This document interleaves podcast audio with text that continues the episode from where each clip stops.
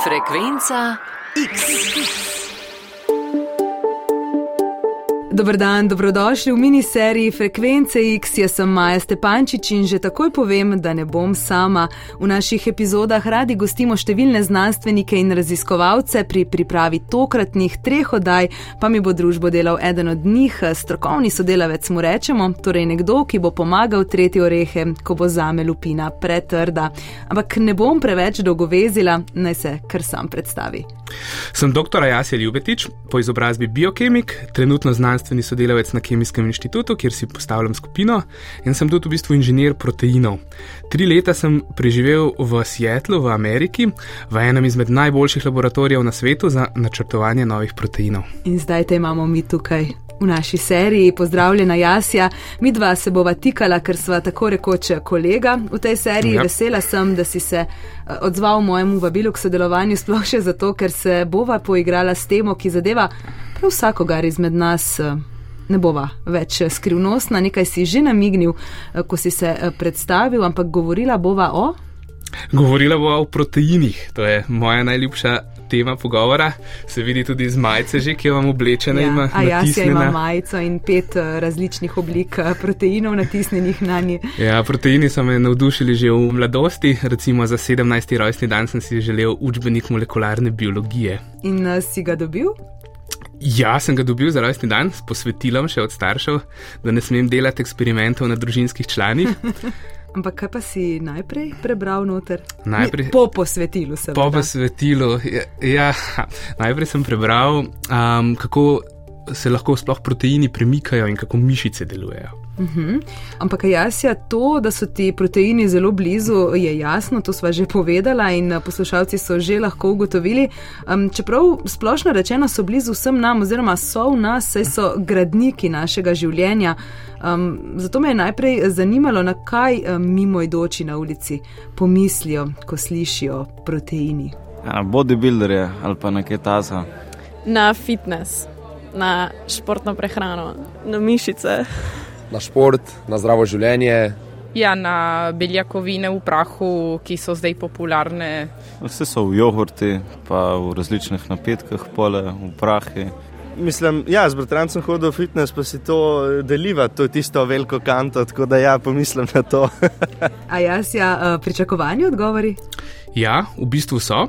Obstaja tudi več spletnih strani, kjer se prodajajo prehranska dopolnila, tako da ni čudno, da je prva asociacija proteinov v zvezi s prehrano.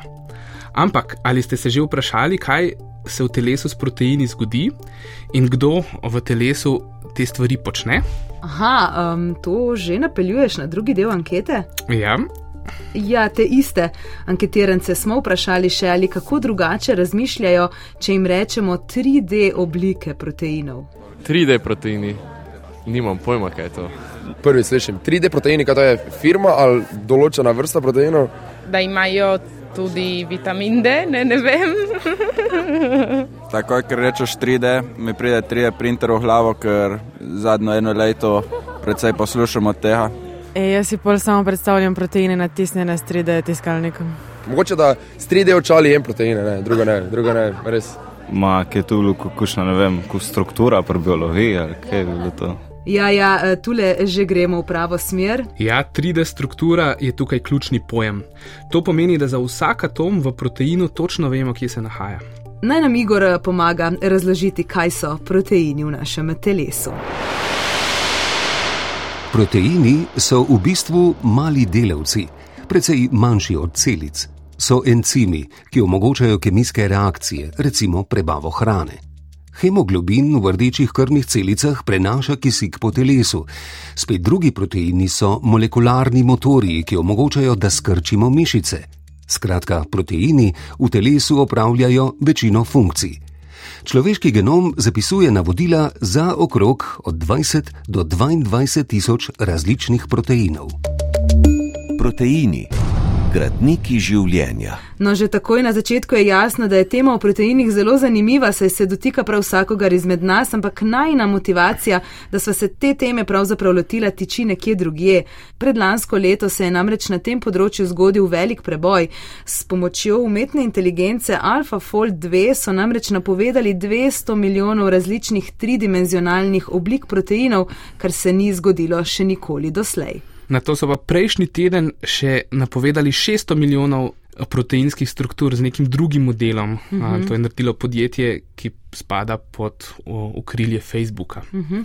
ja, in o tem bova podrobneje govorila v nadaljevanju serije. Zdaj se spoznavamo s samimi proteini in zanima me, zakaj je pomembno, da poznamo obliko proteinov in njihovo delovanje.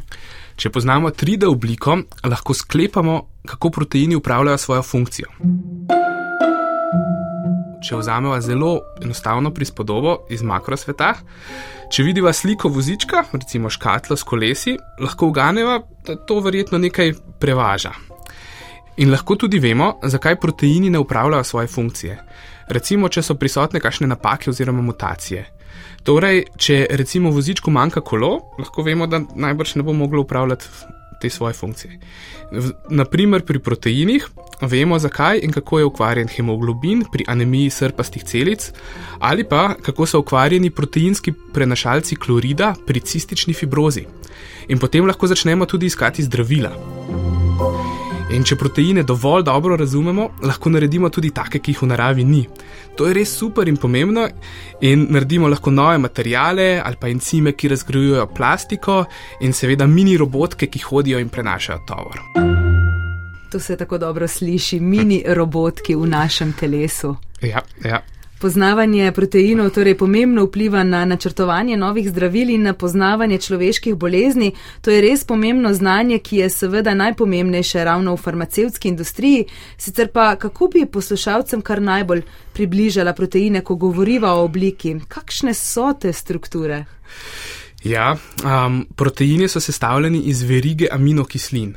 Te aminokisline si lahko predstavljamo kot neke vrste kroglice ali pa lego kocke, ki so nanizane, povezane na vrvico. V telesu obstaja, v proteinih obstaja 20 različnih aminokislin, ki imajo različne lastnosti. Ene so velike, ene so mehne, ene so pozitivno nabite, druge so negativno nabite. In te lego kocke se potem sestavljajo v točno določeno tridimenzionalno obliko in ta oblika določa funkcijo. To, da se proteini izvijajo v krasne tridimenzionalne oblike, je bilo v preteklosti eno največjih skrivnosti, zdaj pa nam možnost napovedovanja oblike tudi in predvsem o pomoči umetne inteligence pomaga bolje razumeti življenje. Proteini, gradniki življenja. V prvem delu smo torej razčlenili in podrobneje razložili, kaj so proteini, zakaj je pomembno, da poznamo njihovo obliko in tudi kakšno funkcijo opravljajo. Mi dva sva preomenjala predlanski preboj in seveda pomen umetne inteligence pri napovedovanju strukture proteinov, ampak do tega preboja je vodilo kar nekaj desetletij pogledovanja v knjige, raziskovanja in odkrivanja skrivnosti življenja. V tem delu pridem do misli, da če želimo razumeti sedanjost in tudi prihodnost, moramo najprej obdelati preteklost, si zajasja. Absolutno, tam se je vse začelo. Za raziskovanje strukture proteinov so Nobelove nagrade tako rekoč deževale, skupno jih je bilo kar 23, kar seveda kaže na velik pomen takih raziskav. Prvi protein, ki so ga sekvencirali, to pomeni določili zaporedje aminokislin, je bil protein inzulin, udeležen pri uravnavanju ravni sladkorja v krvi. To je storil Frederick Sanger leta 1955, za kar je leta 1958 prijel Nobelovo nagrado za kemijo. Do takrat je veljalo, da imajo proteini kar malo naključna zaporedja aminokislin, izkazalo pa se je ravno nasprotno. Vse molekule inzulina inzulina imajo enako zaporedje aminokislin. Takrat pa še vedno ni bilo znano, kakšno tridimenzionalno obliko imajo proteini. Je naključna, je simetrična, je enaka za vse molekule. Leta 1958 je John Cowdery Kendrew s sodelavci določil prvo 3D strukturo proteina. Protein mioglobin, ki prenaša kisik po krvi, je bil izbran, ker je tvoril dobre kristale, potrebne za rentgensko kristalografijo. Izkazalo se je, da imajo proteini točno določeno 3D strukturo. 3D struktura mioglobina je globularna, brez kakšne posebne simetrije, kar je bilo precejšnje presenečenje. Za dosežek je leta 1962 prejel Nobelovo nagrado na področju medicine in fiziologije. Še vedno pa ni bilo znano, kako se proteini zvijajo. Torej, kako pridemo iz enodimenzionalne verige oziroma zaporedja aminokislin do tridimenzionalne strukture. Odprto vprašanje je bilo, ali so za zvijanje potrebne druge molekule in ali lahko proteine zvijajo samo žive celice. Kristjan Enfinson je predpostavil tole hipotezo oziroma dogmo. Navodila za zvijanje so navzoča že v zaporedju. Izoliral je encim ribonukleazo A. To pomeni, da je imel v eproveti samo molekule tega proteina. Na to je dodal posebno sol, ki je porušila strukturo proteina, v navzočnosti soli encim ni kazal aktivnosti. Ko pa je z dializo sol odstranil, so se proteini spet aktivirali, kar je pomenilo tudi, da so zauzeli pravilno 3D strukturo. Za raziskave je leta 1972 prejel Nobelovo nagrado na področju kemije. Wow, mineva točno 50 let in 48 od umetne inteligence, ki prepoznava oblike proteinov, a vendar sta tu dve pomembni zgodbi, ki sta vodili do trenutka, ko je umetna inteligenca pometla s konkurenco. Napovedovanja ne bi bilo v tolikšni meri, če ne bi bilo kaspa oziroma tekmovanja za napovedovanje oblik proteinov in podatkovne baze, kjer se shranjujejo oblike teh molekul. O zadnjem nam lahko več pove moja nekdanja profesorica, zdaj direktorica Evropskega laboratorija za molekularno biologijo v Grenoblu, profesorica dr. Kristina Džinovič Karugo. Sem raziskovalec, strukturni biolog, ben profesor na Univerzi na Dunaju. Doktorica Džinovič Karugo deluje v enem glavnih mednarodnih laboratorijev, v katerem sodeluje 27 držav članic. Sogovornica se ukvarja s strukturno biologijo, vedo, ki proučuje strukturo bioloških molekul, ki so povezane s procesi življenja. In najbolj pomembni so, kot zdaj že veste, proteini. Poznavanje oblike molekule proteina znanstvenikom omogoča, da razumejo, kako ta protein deluje, in to je osnova za razumevanje vseh celičnih procesov vsega življenja. Strukturno biologijo je študirala že, ko v Sloveniji ta sploh še ni bila razvita. Strukturno biologijo sem se dejansko šla uh, učiti v Italijo. Takrat sem dobila enoletno štipendijo, da bi uh, se šla specializirati z področja strukturne biologije. Uh, je pa napredek pristopov in metodologij, če jih primerjam takrat in zdaj, neverjeten. V tistih časih, v začetkih strukturne biologije, prvič je bilo treba pripraviti vzorec, pripraviti protein. To se je ponavadi eh, delalo s tem, da se je protein izoliral iz organizmov, iz celic, recimo iz srca, recimo iz krvi. Dan današnji, zaradi eh, seveda, metod molekularne biologije, lahko gen proteina, ki nas zanima, usadimo v bakterijo in bakterijo prepričamo, da ta protein za nas proizvaja v velikih količinah. A jaz ja lahko na kratko povzameš, zakaj je to pomembno? Seveda, da lahko proteine preučujemo, jih je potrebno najprej očistiti. V tkivu srca, na primer, je več tisoč različnih vrst proteinov, nas pa zanima le točno ena določena vrsta. Tako moramo iz komplicirane mešanice izolirati le eno vrsto proteinov, To pa je zelo težko, še posebej, če je tega proteina relativno malo. Recimo, da bi potrebovali par kilogramov srčnega tkiva za naš protein. Ampak danes lahko pa kupimo sintetični gen, se pravi umetno zaporedje DNK, in ta gen ustavimo v bakterije, ki potem ta protein naredijo v veliki količini. In ker si lahko zaporedje DNK poljubno izberemo, lahko na protein dodamo še posebno značko, tehnično se temu reče histek, in ta značka nam pomaga pri čiščenju. In to je potem bistveno bolj enostavno, kot samo mleti 5 kg srčnega tkiva. Zdaj bolj čisto delo, ampak prej pa kar umazano. Menda ste vi na vajah iz biokemije mleli jedra? Ja, res je, jaz strokovni izraz je homogenizirali. To smo v prvem letniku počeli na vajah in na to smo preučevali aktivnost encimov v jedrih. Joj, moj želodec tega verjetno ne bi prenesel, ampak ko so se pogovarjala o seriji, si dejal, da nikakor ne moreva mimo PDB-ja oziroma podatkovne baze za tridimenzionalne strukturne podatke proteinov, ki je zelo pomembna za znanost in znanstvenike. Ja, absolutno. PDB, Protein Database, je res dober primer znanstvenega sodelovanja. Na začetku so bile strukture objavljene samo kot slike v člankih, v recimo 60. in 70. letih. Ampak to ti kot znanstveniku ne pomaga kaj dosti, ker potrebuješ tridimenzionalne koordinate, ki jih lahko potem s pomočjo računalnika vrtiš, oblač, obračaš, pregleduješ. In spremeniš način predstavitve. Protein Database eh, je bila ustanovljena v začetku 70-ih letih eh, prejšnjega stoletja in je bila kot skladišče vseh tridimenzionalnih struktur makromolekul. Že od prvih struktur, ki so bile, prva struktura makromolekule, to je bil mioglobin, je bila določena v 50-ih letih prejšnjega stoletja.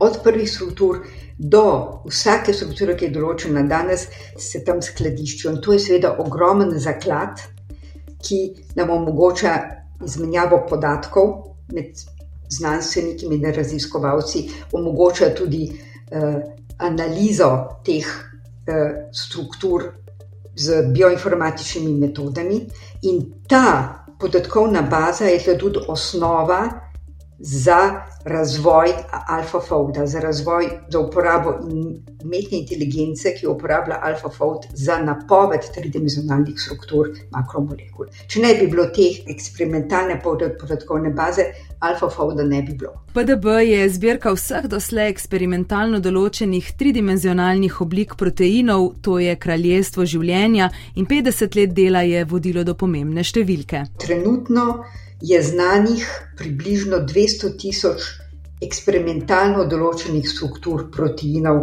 oziroma njihovih makromolekularnih kompleksov. In te strukture so deponirane v podatkovni bazi. Znanstveniki so pri svojih raziskavah tudi naprošeni, da pridobljene strukturne podatke pošiljajo tudi v PDB. Če poznamo tridimenzionalno strukturo proteinov, potem lahko prvič razumemo, vemo, kje so atomi v, tri, v treh dimenzijah. To se pravi, lahko vemo, kakšne so povezave in interakcije med njimi, in zaradi tega lahko v končni fazi razumemo kemijo tega proteina, lahko razumemo, kako dejansko deluje, kako izvaja svojo funkcijo. In če enkrat razumemo, kako protein izvaja eh, svojo funkcijo, potem je to prvič velik korak naprej, drugič lahko potem tudi razumemo, poskušamo razumeti, zakaj ne deluje. In to nam pomaga potem, recimo, razvijati zdravila, nam pomaga razumeti določene bolezni, ker vemo, kako je protein videti v zdravem in kako v bolnem organizmu. Proteini, gradniki življenja. Podatki so pri napovedovanju struktur proteinov resnično pomembni in teže od leta 1994 pridobivajo tudi ob pomoči KASPA. Oziroma Critical Assessment of Protein Structure Prediction. Gre za nekakšno tekmovanje, pri katerem sodelujoči dobijo zaporedja aminokislin določenih proteinov in na to ustvarijo napovedi tridimenzionalne oblike. In napoved, ki je najbolj podobna dejanski eksperimentalno določeni 3D obliki, zmaga iskanje uh, oblike, torej ena velika igra, bi lahko rekli. In eden od soustanoviteljev Kaspa, profesor John Moult, se nama je tudi oglasil. Sem profesor na Univerzi v Marylandu, sem računski biolog, torej študiram biologijo s simulacijami na računalniku. Moje zanimanje gre v dve smeri. Prva je zvijanje proteinov oziroma kako se proteini zvijajo v 3D oblike, druga pa pregledovanje generičnih različic v primerjavi s človeškimi boleznimi, torej kako določene različice vplivajo na tveganje, da dobimo kakšno bolezen. O tridimenzionalnih oblikah proteinov govorimo vse čas, kako pa bi profesor Molt razložil to svoje delo nekomu, ki mu ni čisto nič jasno. Okay, well, challenging. Um, To je kar zahtevno. Večina ljudi pozna gene, zaporedje baz DNK. Sama DNK je skladiščna molekula, ki ne počne ničesar, ampak vse počnejo proteini, ki veljajo za stroje v telesu. Imamo več kot 20 tisoč oblik teh strojev v človeškem telesu in ti delujejo tako, da se atomi povezujejo med seboj v prostoru, tako da ima vsak atom določen položaj v odnosu do drugih atomov in teh je več tisoč. Ta skupek tvori navadno kroglaste oblike iz več tisoč atomov z določenimi oblikami in lastnostmi površine. In ravno te oblike prepoznajo druge molekule, druge proteine.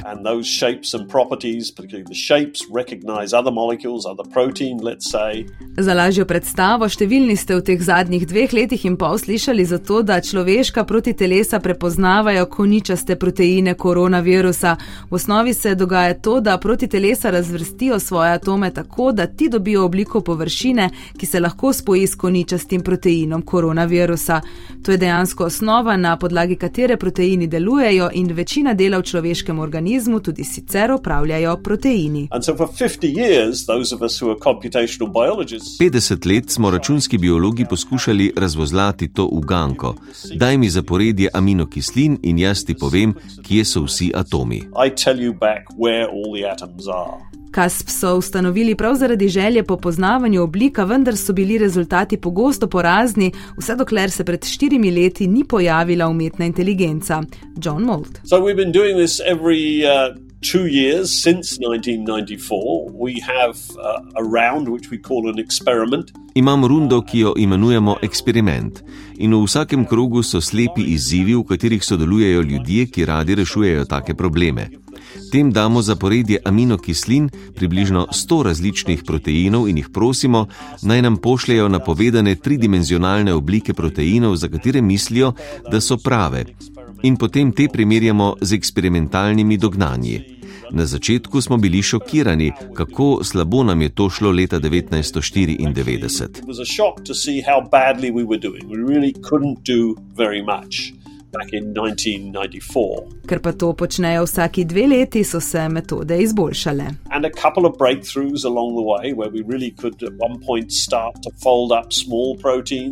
Vmes so se zgodili preboji, ko smo že lahko začeli zvijati manjše proteine, bolje smo znali uporabljati eksperimentalne podatke, ki so bili na voljo za druge proteine.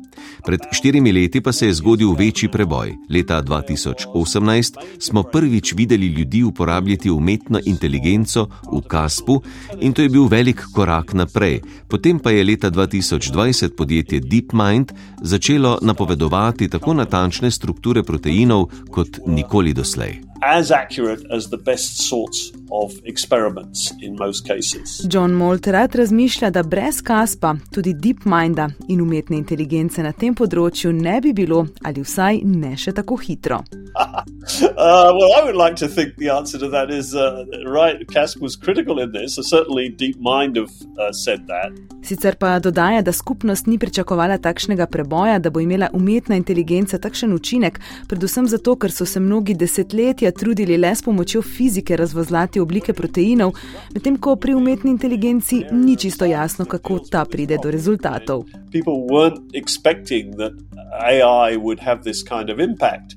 Most people, myself included, spent decades trying to use physics and physics related methods to solve this problem. Zato nekateri niso izrazili dobrodošlice temu preboju, John Mold pa pravi, da se morajo sprijazniti, da naprava določene stvari počne bolje kot sami in hitreje najde rešitve za probleme, za katere bi morda oni pri kaspu porabili več let, navaditi se bomo morali, da umetna inteligenca rešuje probleme na način, kot jih ljudje ne bi znali.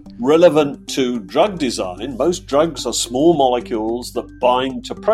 Sicer pa računski biolog John Mold z Univerze v Marylandu in eh, soustanovitelj Kaspa pravi, da so pri Kaspu zdaj osredotočeni na to, kaj je naslednja zagonetka in kako to rešiti tudi s pomočjo umetne inteligence. Posebej jih bo zanimalo področje načrtovanja novih zdravil in kako se zdravilne učinkovine spajajo s proteini. Odpira se področje razvijanja novih terapij. Equally important in, in understanding how biology works and in developing developing new uh, therapies. Tekmovanje KASP torej meri napredovanje pri napovedovanju tridimenzionalnih oblik proteinov iz zaporedja aminokislin in vodi tudi do takšnega napredka na področju napovedovanja struktur. Letos bo spet čas za to, konferenca KASP bo potekala decembra, a jaz ja. Bi se na takšno tekmovanje prijavil tudi sam? Uf, niti slučajno. Kompeticija je zelo huda in tudi ni to moja glavna uh, strast. Poleg tega rajši načrtujem nove proteine, namesto da napovedujem strukturo naravnih. Ampak mogoče v prihodnosti pa boš razmislil tudi o tem in potem si boš pri tem, kot vsi ostali, pomagal z načini za prikaz tridimenzionalne oblike molekul na kratko z rentgensko kristalografijo in krijo, elektronsko mikroskopijo in najasja, tule se nama že kot na pladnju ponuja tema za drugo oddajo najne serije Frekvence X. Ja, verjetnost, da se bom kdaj na kas prijavil, je res mehna, ampak zagotovo bom pa uporabljal um, metode X-ray kristalografije in krajo elektronske mikroskopije.